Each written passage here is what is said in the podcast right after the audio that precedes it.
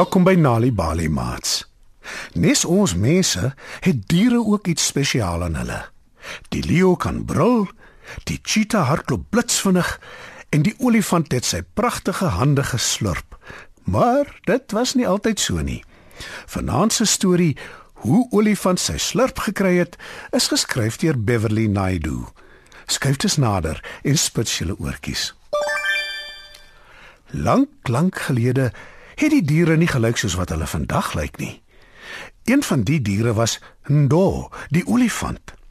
Want lank gelede het Ndo 'n kort snoet gehad. Sy neus was so kort dat dit moeilik was vir hom om behoorlik te eet. Hy kon glad nie die sappigste blare heel bo aan die bome bykom nie. Dit was ook baie moeilik om af te buig en in die grond te sniffel vir die heel beste spriete onder die klein bossies. Dit was dan ook nie die enigste probleem vir Rendo en al die ander olifante met kort snoete nie. Olifante moet baie water drink. Hulle moet dus langs watergate kniel en baie monde vol water sluk en sluk en sluk totdat hulle genoeg gehad het. En dit is selfs nog moeiliker gedurende die droë seisoene wanneer daar min water is. Dan proe elke mondvol water so sand. Wanneer 'n do so 'n bek vol sand sluk, gril hy en sê: Sis, ek wens daar was 'n ander manier om water te drink. Een jaar na maande en maande sonder goeie reën, trek 'n trop olifante oor die veld en tussen 'n klomp heuwels deur, op soek na water in die vallei aanderkant die heuwels. Toe hulle dus water in die verte sien blink, is hulle baie opgewonde. Dis inderdaad 'n meer. Hulle eislike pote skop stofwolke op soos wat hulle so vinnig as moontlik in die rigting van die meer draf. Hulle stamp mekaar uit die pad om eerste daar uit te kom, want elke enkele een van hulle is bitterdors en in dors sê verlig, "Dankie tog, daar is uiteindelik water." Maar toe die olifante op hulle knieë neersak en hulle snoete in die water sit om uiteindelik gulsig van die water te drink, kom 'n slinkse krokodil stadig maar seker en baie stilletjies onder die water na hulle toe aangeswem. Net sy een oog is sigbaar bo die water en hy hou 'n jong olifantbil dop wat effens eenkant van die res van die trop water drink. Skielik skiet krokodil vorentoe en slaan sy skerp tande in die olifantbil se snoet. Toe begin daar 'n desperate kragmeting. Die bul en do is woedend en hy roep verwoed uit. Nou nee, hm, durf krokodil my op so 'n agterbakse manier vang. Hoe gemeen is dit van hom om nie die water te wil deel nie. En hoe durf hy spot met my kort snoet? Elke slag wanneer krokodil verbeete trek om die olifantbil in die water in te probeer kry, beurendo verwoed agteruit om te probeer loskom.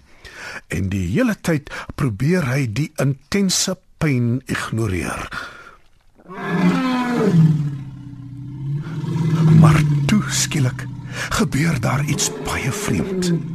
Met elke kragtige poging van krokodil om die olifant in die meer in te sleep, met elke harde pluk, voelendo hoe sy snoet uitrek en al langer en langer word. Dit word nog langer. En dan nog langer. En uiteindelik is dit nie meer 'n snoet nie, maar 'n lang neus. En toe, na nog 'n hele ruk se gebeur en getrek, is dit 'n lang slurp. Toe die kragmeting begin het, was die son hoog bo in die lug. Maar nou is die son 'n diep rooi kleur en glip dit agter die heuwels in, wat nou ook al donker vertoon. Krokodil besef hy het die stryd verloor toe hy voel hoe hy sy greep op die olifant begin verloor. En hy weet Vanaand is daar geen jong olifantbil vleis op sy spyskaart nie. Krokodil moet uiteindelik laat los en toe hy dit doen, val 'n do agteroor en hy is vry. Van die ander olifante het heeltyd by die jongbul gebly en hom gehelp om staande te bly tydens sy kragmeting met die slinkse krokodil. Maar toe hulle nou sien sy snoet is 'n lang uitgerekte slurp, kan hulle dit nie verhelp nie. Hulle lag en hulle lag, want dit lyk daarom al te snaaks. Kyk hoe lyk 'n dose snoet. Dis darem maar baie snaaks. sê een van die olifante. Arme Ndo is ontsteld veral toe hy sy weerkaatsing in die water gewaar en sien hoe sy snoet lyk. Dit is boonop nog baie seer ook. Hy kan dit ook nie eintlik beheer nie. Dit swaai heen en weer die kant toe en daardie kant toe. Hy vermy die ander olifante, want hulle staar die hele tyd na sy vreemde lang slurp. Maar stadig maar seker begin en daar agterkom wat hy alles met sy slurp kan doen.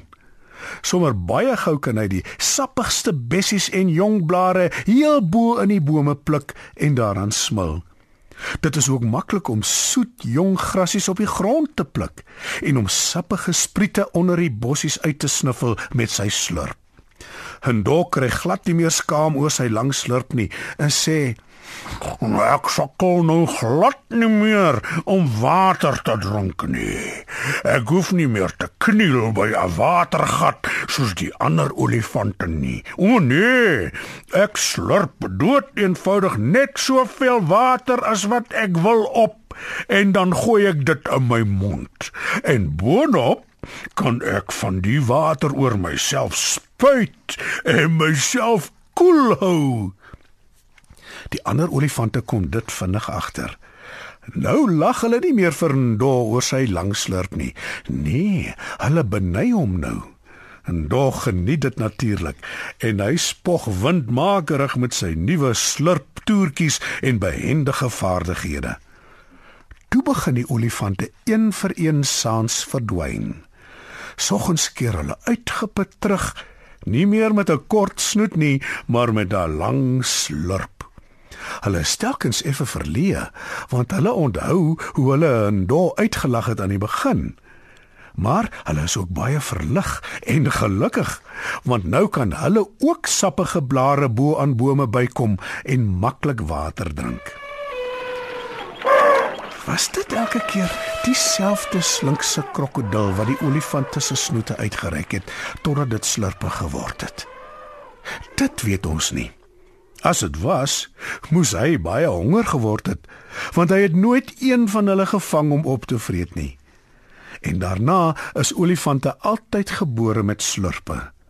Maar dit neem altyd nog 'n ruk na geboorte om eers gewoon te raak aan die slurp. Aan die begin waggel klein olifante effens onvas, maar wanneer hulle eers die slurp gewoond is, is dit hulle heel beste bate. Het jy geweet deur vir kinders tuistories te vertel, help jy hulle om beter leerders op skool te word? Vir meer stories om vir kinders voor te lees of vir kinders om self te lees, besoek ons by www.nalibali.mobi op jou selfoon. Daar sal jy heelwat stories in verskeie tale absoluut gratis kry. Jy sal ook wenke kry oor hoe om stories vir kinders te lees en met hulle te deel sodat hulle hulle volle potensiaal kan ontwikkel. Story Power bring dit huis toe. Kyk ook uit vir die Nali Bali byla met heerlike stories en aktiwiteite beskikbaar in KwaZulu-Natal Sunday World Engels en isiZulu. Gauteng Sunday World Engels en isiZulu. Vrystaat Sunday World Engels en Sesotho. Weskaap Sunday Times Express Engels en isiXhosa. Ooskaap The Daily Dispatch Dinsdae in the Herald Donderdag Engels en isiXhosa. Nali Bali is ook op Facebook.